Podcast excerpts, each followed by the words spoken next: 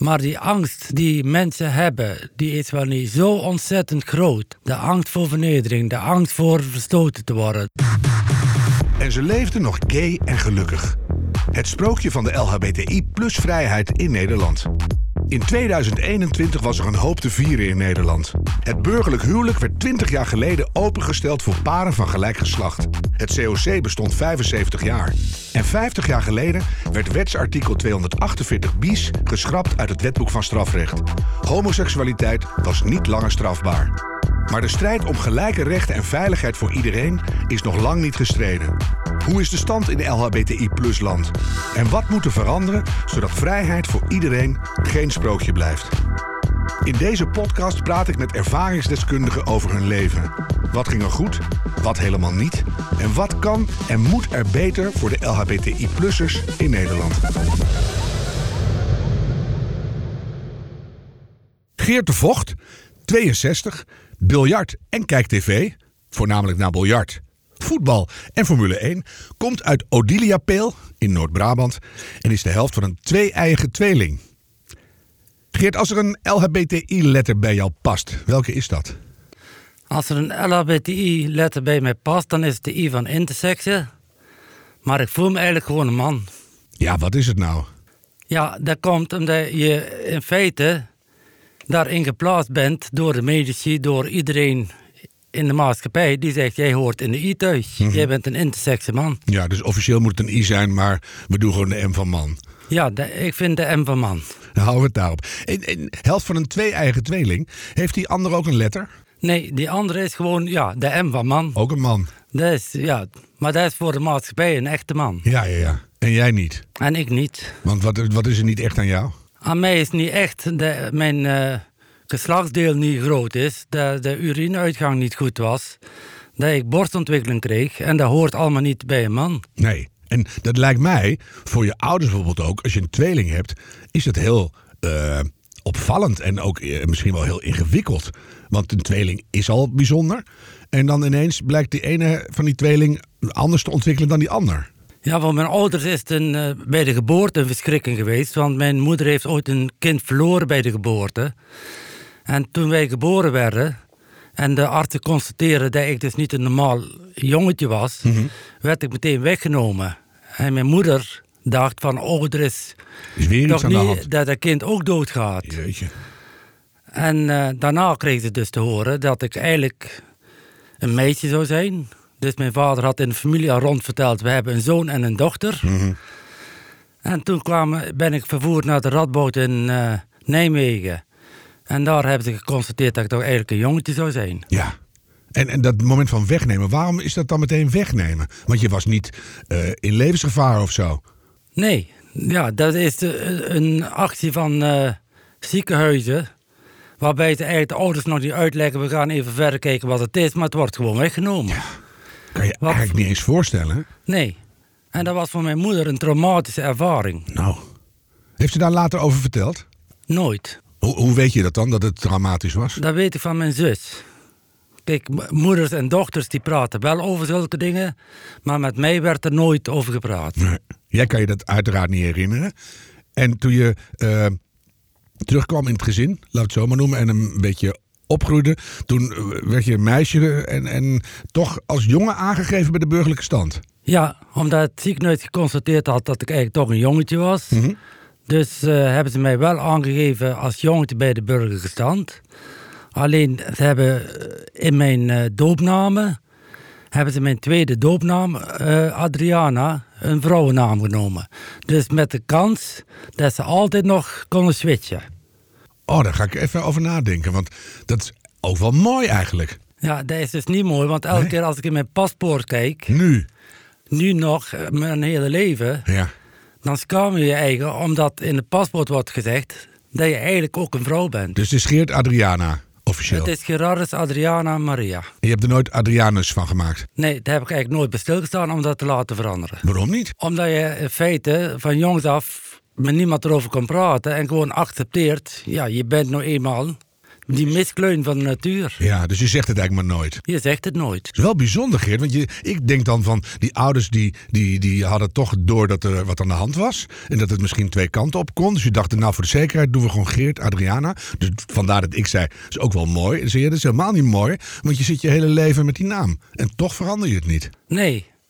Nee, want elke keer als je je paspoort nodig hebt, Mhm. dan, en mensen vragen van wat zijn jouw roep of jouw namen in jouw eh, van officiële stukken, dan doet dat heel erg pijn, omdat je elke keer moet zeggen dat jouw tweede naam een vrouwennaam is. Ja. En hun valt er niet op, maar voor je erge is dat heel confronterend. En dan kijk je meteen je hele leven terug. Van dat gebeurde, dat gebeurde, dat En Ja. ja, Ja, ik snap het. Ik had ooit een man, een hele stoere, gewone heteroseksuele man. En die heette Wendy. ja, dat zou ik ook niet leuk vinden. Nee, Nee. En, ja, daar was hij ook aan gewend. Maar dat vond ik ook zo stom. Ja. Hey, en, en toen ging je groot groeien als, als kindje. Als klein jongetje. Ja. Hoe ging het allemaal? Ja, dan kom je er al heel vlug achter, omdat ik heel, altijd in bed plaste. Als tweeling slaap je samen in een bed. Ja. Dus dan was het ook altijd dat je probeert te zeggen van nee, maar dat was ik niet. Hij heeft in bed geplast. Heel goed. Maar ja, dan was de uiteindelijke conclusie heel logisch. Mijn onderbroek was aan de voorkant nat, zijn onderbroek aan de achterkant. Ja. Dus was ik toch de boosdoener. ja. En wat hield dat in? Ja, dat, dat je al heel jong een schaamtegevoel krijgt van waarom plas ik in bed en waarom is hij altijd droog. Ja. En, en zijn ze erachter gekomen waarom je in bed plaste? Nee, want daar werd ook helemaal nooit naar gekeken. Dat was gewoon zo. Het was gewoon zo. Je plaste altijd in bed. En werden ze dan boos op je? Nee, maar het voelde, je had wel elke ochtend als je opstond de schaamte om te vertellen, ik heb weer in bed geplast. Het is weer zo laat. Het is weer te laat. En wanneer is dat opgehouden? Ik denk pas toen ik 16 was, dat het eigenlijk heel sporadisch naar voren kwam. En van tevoren kwam het me regelmatig voor. Ja. Het werd steeds minder. Maar werd- was, ja. door, door de puberteit misschien ook, door de hormonen werd het anders. En, en toen ging het beter. En toen ging het beter, ja. Er is nooit medisch iets aan gedaan of een... Nooit. Er is nooit iets aan gedaan. En je blijft de angst houden. Ook al is het sporadisch, dat als je ergens naartoe moet. Bedunkt. Ja. Bijvoorbeeld met school, toen, we een, eh, toen ik naar de MTS ging, hadden we een weekend. Waar een kennismakersweekend. Nou, daar zat jij niet op te wachten natuurlijk. Nee, en dan moet je met vier op een kamer slapen. En dan ben je zo bang om gaan te slapen, want ik zou eens in bed plassen. En hoe deed je dat dan? Wakker blijven. Nee. Ja, je durfde gewoon niet gaan te slapen. Ja. En als je heel vaak naar de wc ging voor je ging slapen, dan toch nog. Dat hielp niet. Nee. Of niks meer drinken, dat werkt ook niet. Nee, Oh man, dat was ook angstig, denk ik. ja, dat was heel angstig. En wat deed dat met jou als jongetje? Vonden mensen jou een leuke puber? Ja, ja eh, bij ons in het gezin was ik altijd eh, de, de- het moeilijke kind. Dit is een leuke sticker die je dan ook hebt. Ja, maar dat komt omdat je dus altijd van het normale pad afging. En Had je nog meer voorbeelden waar jij niet normaal was? Kijk, bijvoorbeeld eh, als iedereen zei van... eh, maar dat was wel toen ik, pas, toen ik op een gegeven moment borstontwikkeling kreeg. Ja. En dan zei iedereen in de zomerdag, het, oh het is heet, we gaan zwemmen. En dan zei ik, nee, ik ga werken, ik ga aardbeien plukken, want ik wil geld verdienen. Ja. Dan moet je er nog even duidelijk bij zeggen. Je, je kreeg dus borstontwikkeling. Ja, En, en toen dacht je, oh, dat hebben we ook. Dat moet ook niemand zien. nee, dat moet niemand zien. Da- Nee. dan, die angst is ook heel groot, dat iemand dat ontdekt. Dus je hebt, je hebt al een, een lichaam wat niet werkt eigenlijk. En dan krijg je nog uiterlijke kenmerken die voor jou heel verwarrend waren. Dat, dat lijkt me geen fijne puberteit. Nee, want je leert al heel... Kijk, je- op een gegeven moment, je woont in een boerendorp... en je krijgt al heel vroeg te horen van dieren die geboren worden... die eigenlijk niet het mannelijke en het vrouwelijke geslacht hebben... en dat dat gewoon een waardeloos dier is. Aha, dus je wist dat het bestond, En dan... maar er zat eh, meteen waardeloos aan. Ja. En dan noemen ze een kwintje. Dus ik ben altijd opgegroeid met het idee, ik ben een kwintje. En dat zat in jouw hoofd. En dat zat in mijn hoofd. Maar deed de rest ook zo? Of was, vonden ze jou eigenlijk al een hele lieve, leuke jongen? Ja, de rest wist het niet. Want het werd voor iedereen geheim gehouden. Je ouders wel, bijvoorbeeld. Ja, maar mijn ouders praten er ook met niemand over. Nee.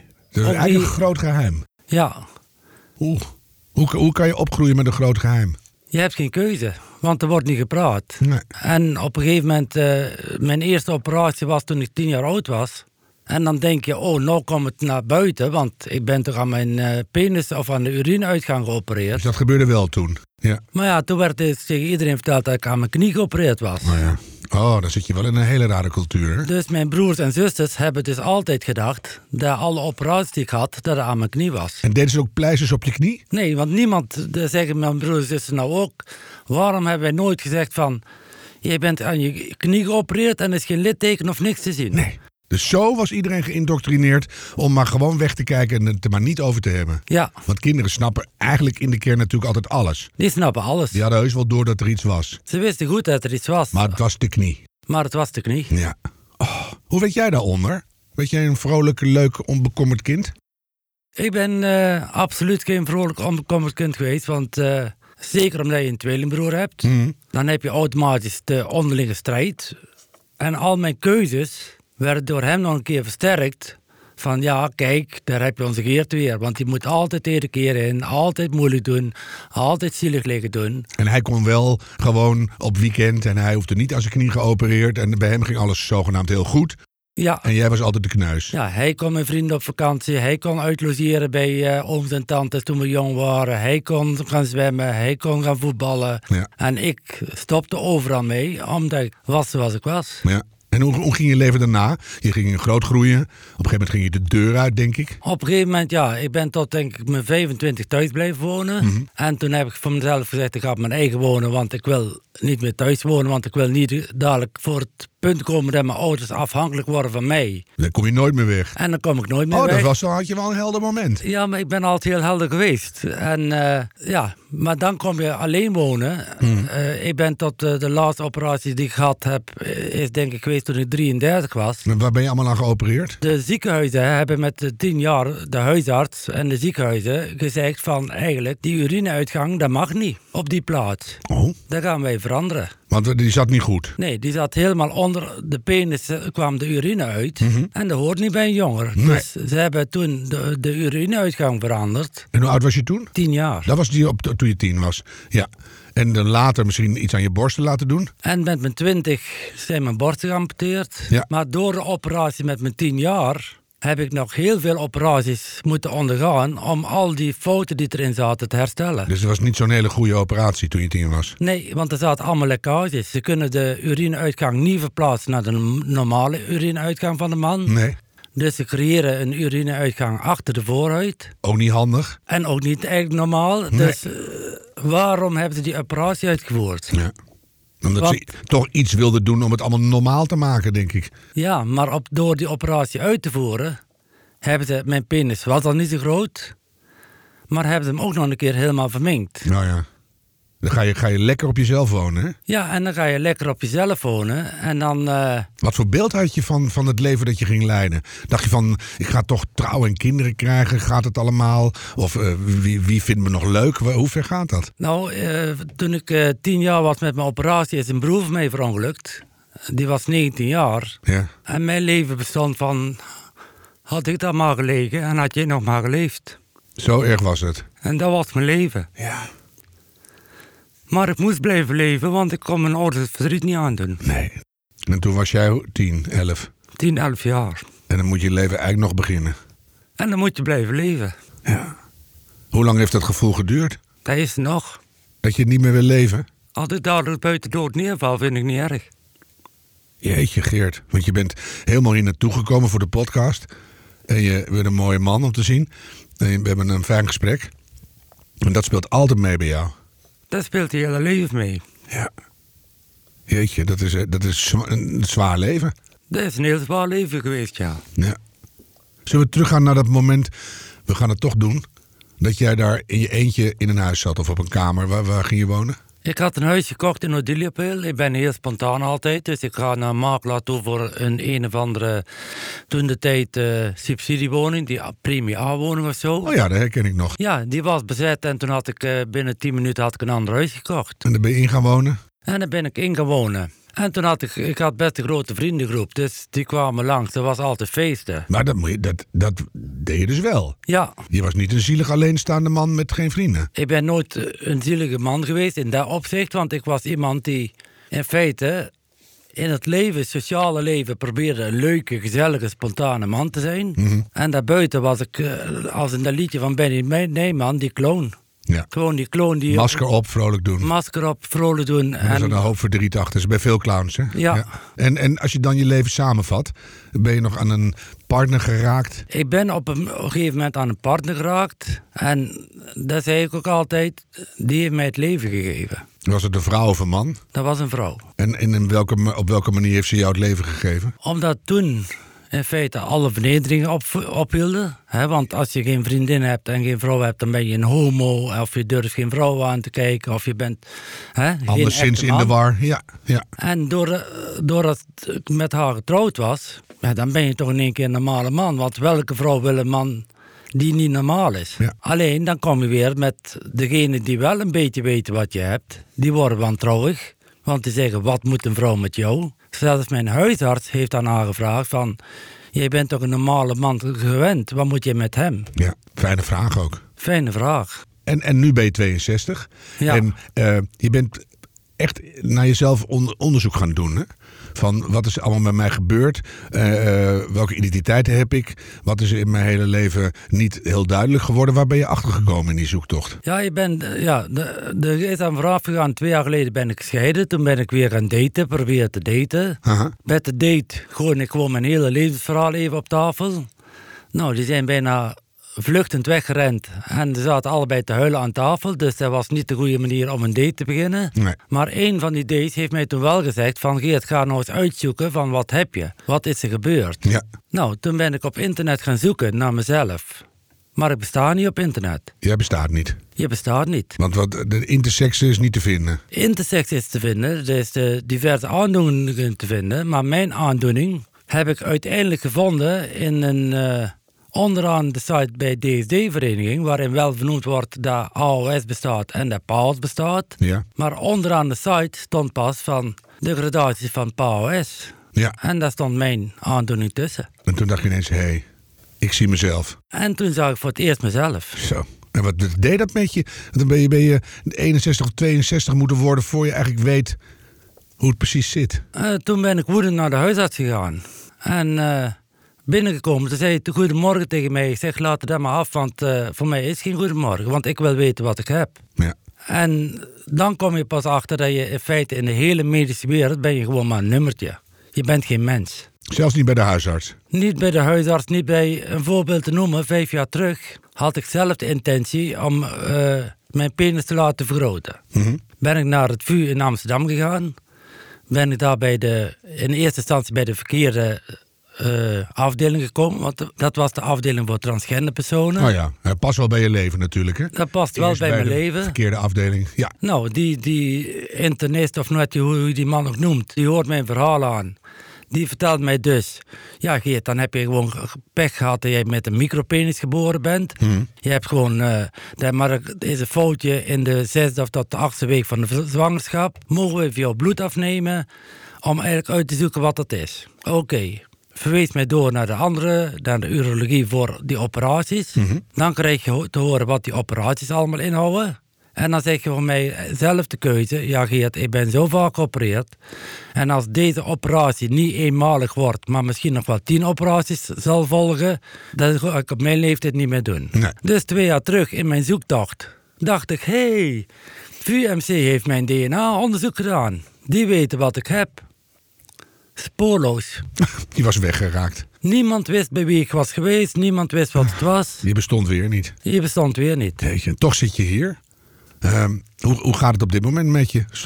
Los van het feit dat je zegt van... eh, als ik buiten dood neerval, is het ook oké? Ja, voor mij is gewoon, eh, gaat het zo dat ik eh, de strijd ben aan, doordat ik pas twee jaar terug achter de zwijgcultuur ben gekomen van de ziekenhuizen. Wat je nooit geweten, want je hebt altijd volste vertrouwen gehad in artsen en in ziekenhuizen. Ja. En door mijn zoektocht ben ik erachter gekomen dat ze dus in 1979 in de Radboud al wisten dat ik paus had.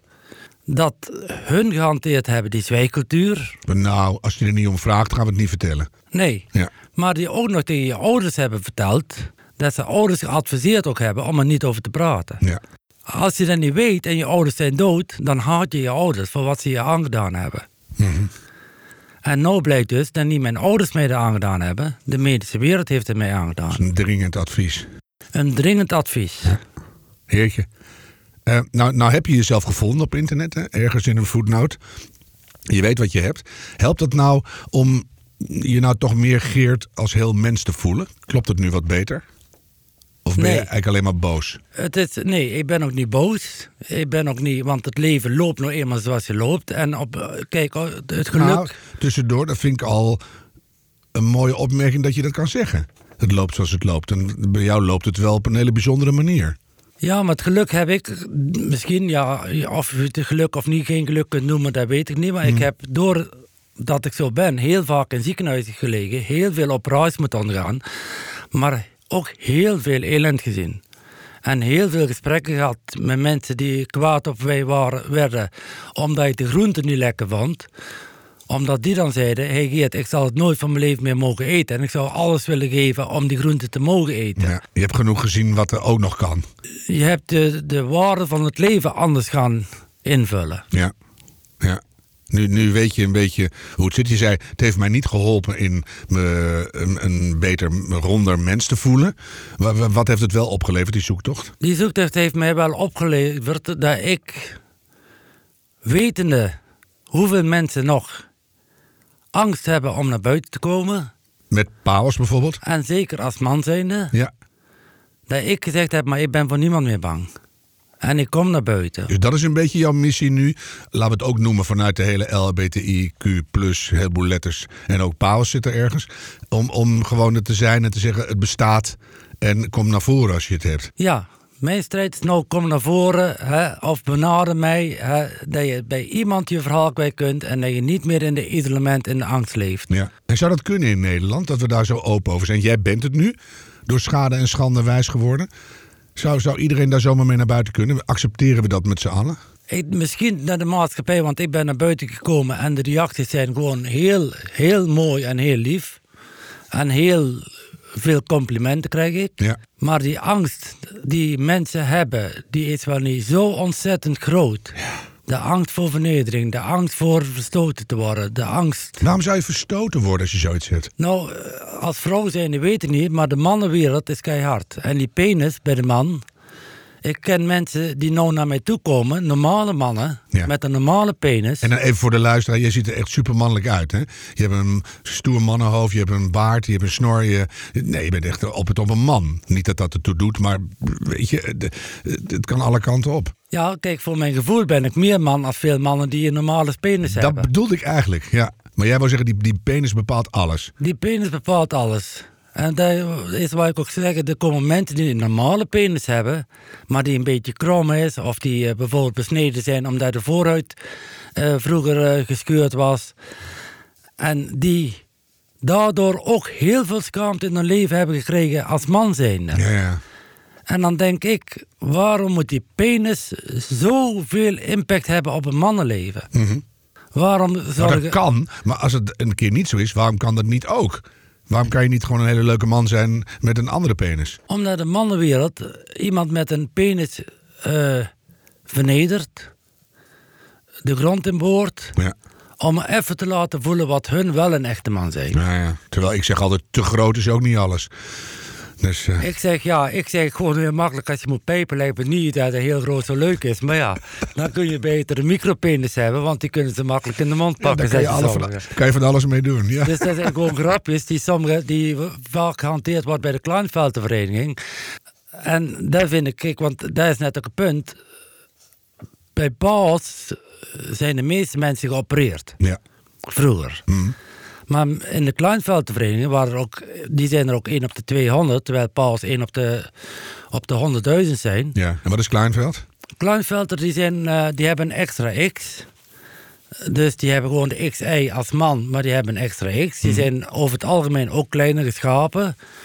Die hebben eh, wat meer moeite met eh, fysieke geheugen, al die dingen meer. Ja, ja. Maar die hebben ook de ontzettende schaamte over de penis. Ja. Terwijl die wel dus normaal kunnen plassen. Dus de penis is gewoon helemaal normaal. Maar puur het feit dat ze een kleinere penis hebben, geeft zoveel schaamte. Eigenlijk is jouw hele verhaal, Geert, dat we naar een land moeten, los van jouw schaamte-aanleiding, hè, die je gelukkig overwonnen hebt, maar dat we gewoon op moeten houden met schaamte over dingen die niet schaamtevol zijn. Ja, de maatschappij, ja, maar dat is de maatschappij die veroorzaakt die schaamte. Kijk, een voorbeeld te noemen. De reclame op tv over een onderbroek. Dan zie je mannen een beetje vatzig, een wijde eh, boxershort aan. Dan zie je een andere, hè, ook met een verkeerde boxershort. En dan komt de man met de boxershort met zo'n bult voor in zijn broek. Ja. Ja, anders- Hoezo? Bij die andere ze met die wijde broek ook geen bult voor in de broek zien. Nee, omdat hij te los zat. Nee, ze willen Nee, ik snap je. specifiek laten Tuurlijk. zien... En een zijn man hele heeft... mooie gespierde mannen. En dan denk je, ja, ik kan, al koop ik tien van die onderbroeken, dan zie ik er nog niet zo Nee. uit. Dus dan, maar dat is weer die rare commercie. En dus dat hele rare land. Met al die momenten blijkbaar van schaamte, schaamte. Ga je maar schamen, ga je maar schamen. Dat is toch ook verschrikkelijk? Dat is verschrikkelijk en dat verwoest levens. En dat geeft mensen gewoon levenslang. Ja. Want een, een man heeft mij nou benaderd van 75. Die als, als kind van 10 jaar stond hij op het schoolplein. En een van zijn vriendjes vond het leuk zijn broek na- naar beneden te trekken. En toen werd hij door iedereen geroepen van... eh, jij hebt een eh, meisjespiemel. Ja, Dat heeft hem levenslang nou, gegeven. dat, dat komt niet meer goed als je er niet heel hard mee aan het werk gaat. dat komt nooit meer goed. Ah. Gaan we ooit een land bereiken, Geert, waar die schaamte weg is? Ik hoop het. Hoe ik hoop het, maar ik denk het niet. En, en, en je hoopt het toch? Hoe, hoe, zou, hoe zouden we daar kunnen komen? Dat zouden we kunnen komen als de mannenwereld is anders daarin gaat staan. Als de vrouwenwereld ook gaat zeggen dat hey, een man hoeft niet zo groot geschapen te zijn om seks te kunnen hebben. We hebben toch ook speelgoed, roep ik dan altijd maar. Ja, Dan koop je een rubberen boomstam. Veel Maar- plezier ermee. maar ook op tv wordt verteld... Een man moet minimaal eh, die penis hebben, Maar- wil maar- ik er een beetje plezier aan hebben. Zeggen mensen dat echt? Dat zeggen vrouwen op tv. Nou. Zeker als je op seks, vrouwen die op seks gebaseerd zijn. Ja, ja, ja. Maar die zijn toch niet zo heel boeiend vaak. Dus, Nou, dat zeg jij. Die kunnen heel boeiend zijn. oh, dus, dat, weet jij, eh, dat weet jij dan weer. Ja. Maar dus de, de, de, de, de, eh, moraal die we zien overal en de commercie, die moet, je ziet het soms wel met, met beautyproducten nu. Hè, dat je ook wat vollere vrouwen ziet en wat oudere en met rimpels. En er, er komt wel wat meer inclusiviteit daar. Maar dit soort schaamte dingen zouden we ons ook veel beter bewust moeten zijn van... jongens, niet alles is hetzelfde. En als het afwijkt, dan is het niet per se meteen schaamtevol. Nee, die, en die discussie, zeg ik, die moet eigenlijk al op de kleuterschool gevoerd worden. Ja. Die moet op de lagere school. Want een kind dat zijn vriendje kent als iemand met een heel klein piemeltje, dat blijft zijn vriendje. Ja, natuurlijk. En dat vriendje weet dat iedereen weet dat klein piemeltje, dus die sluit zijn eigen ook niet buiten. Nee, maar dat geldt ook voor grote voeten, rare oren Ja. en lelijke... Je hebt ook hele lelijke neuzen. Let je daar wel eens op? Zo. Ja, maar dat punt, Harm, dat is het hele grote verschil met alles. Dat is zichtbaar, dus niemand kan de neus Nee, verbergen. En daar kan je wat aan doen natuurlijk. Ja. Nee, maar daar hoef je niks aan te doen, want iedereen kent jou met je neus. Ja. Dus jij hoort er gewoon bij. Jouw geslachtsdeel, dat ziet niemand. Maar- Niemand kent het. En als je opgroeit en je wordt ouder en je begint in de puberteit, dan krijg je te horen: hé, hey, die piemel. Hé, hey, moet eens kijken. De mijne, de piemel, ja. de mijne is 3 centimeter, de mijne is 5 centimeter. Oh, de mijne, hè, als ze dan plassen, plassen naar het publiek toe, dat iedereen kan zien hoe groot die piemel is. Ja. Van de vriendjes. Ja. Ik vind het mooi dat je over die schaamte heen bent. Dat is winst. Wat, wat, hoe zien de komende 10, 15 jaar voor jou eruit, denk je? De je- komende 10, Ga je wat 15 meer, jaar. wat meer levensvreugde vinden? Eh, Dat weet ik niet, maar dat hoop ik wel. Mhm. Maar de komende 10, 15 jaar zien er voor mij uit als een strijd om paus. En in feite alle mannen te helpen van hey, al is jouw penis klein, je bent gewoon een echte man. Of krom? Of krom, Of of, dubbel, whatever. dubbel, of al zit... eh, en waarom mag een vrouw naar een toilet apart? Waarom moet een man met een penis aan een urinoir staan... dat iedereen kan zien wat hij heeft? Heb ik ook nooit begrepen. Vind ik soms heel onprettig. Nee. Nee, dat is heel vaak onprettig. Ik heb een vrij normale penis, maar wat, wat dan ook normaal mogen zijn. Maar dat vind ik ook niet prettig Nee. soms. Ik denk van, ik wil nu even eh, privé zijn. Ja, en voor mensen die dus een kleine pe- kleinere penis hebben... die hebben altijd angst naar het toilet te gaan. Maar Want er zou iemand maar eens iets zien. Nou ja, en misschien is het mikken ook minder handig. En eh, soms zijn die dingen te laag of te hoog. En dat is al heel ingewikkeld. Ja. Ja, ik snap je probleem. Ik, ik ga je enorm bedanken dat je hier was, Geert. En eh, je bent heel openhartig geweest. Ehm, maak je ook ongerust over de toekomst? Of heb je er wel vertrouwen in? Nee, ik eh, zeg, mijn tweelingbroer die waarschuwde mij een jaar geleden van... toen ik de puberteit ging zoeken, van Geert... je kunt heel veel negatieve reacties krijgen. En toen zei ik hem... de pijn die ik in mijn leven gehad heb, die kan me niemand meer doen. Nee, die heb je al gehad. Die pijn heb ik gehad. Ik voel hem wel nu, maar ik zie ook een heel dapper trots mens zitten. Dat vind ik mooi. Ja, ik ben dapper en trots dat ik de strijd aan durf te gaan... voor al de mensen die het niet durven. En niet alleen maar strijden, hè? Je bent ook 62. Ook waar het kan, een beetje genieten. Ja, maar dat, dat gevoel heb ik pas... ja, dat is misschien stom gezegd als ik weer een vrouw heb. Kan zo gebeuren. Ja, die, die kant uh, ja, word je gevoel niet. Want in de vrouwenwereld dan uh, hoor je als man toch niet echt bij. Ik denk dat dat wel kan veranderen, Geert. Want daar heb je ook hele leuke vrouwen tussen die er anders over denken. Nou, je kunt misschien een dating site beginnen. Ja, dus, uh, voor, voor Geert. Dan meld ik me vast aan. Ik bij deze. Dankjewel. Graag gedaan. En ze leefde nog gay en gelukkig. Het sprookje van de LHBTI plus vrijheid in Nederland is een podcast van Harm Edens en Merel van der Merendonk. Techniek, montage en adviezen Jacob de Vries. Sounddesign en audio nabewerking Hens Zimmerman. Met dank aan Harm Wesseling en Maarten Westerveen. Wil je niets missen van onze podcast? Abonneer je dan. Vind je gay en gelukkig de moeite waard? Schrijf dan een recensie of geef ons meteen 5 sterren. Dan kunnen anderen deze podcast beter vinden. Dankjewel. Hey, luister je nog? En ben je blij met deze podcast? Word dan vriend van de show op vriendvandeshow.nl en help ons verder te ontwikkelen door een donatie te doen. Dankjewel.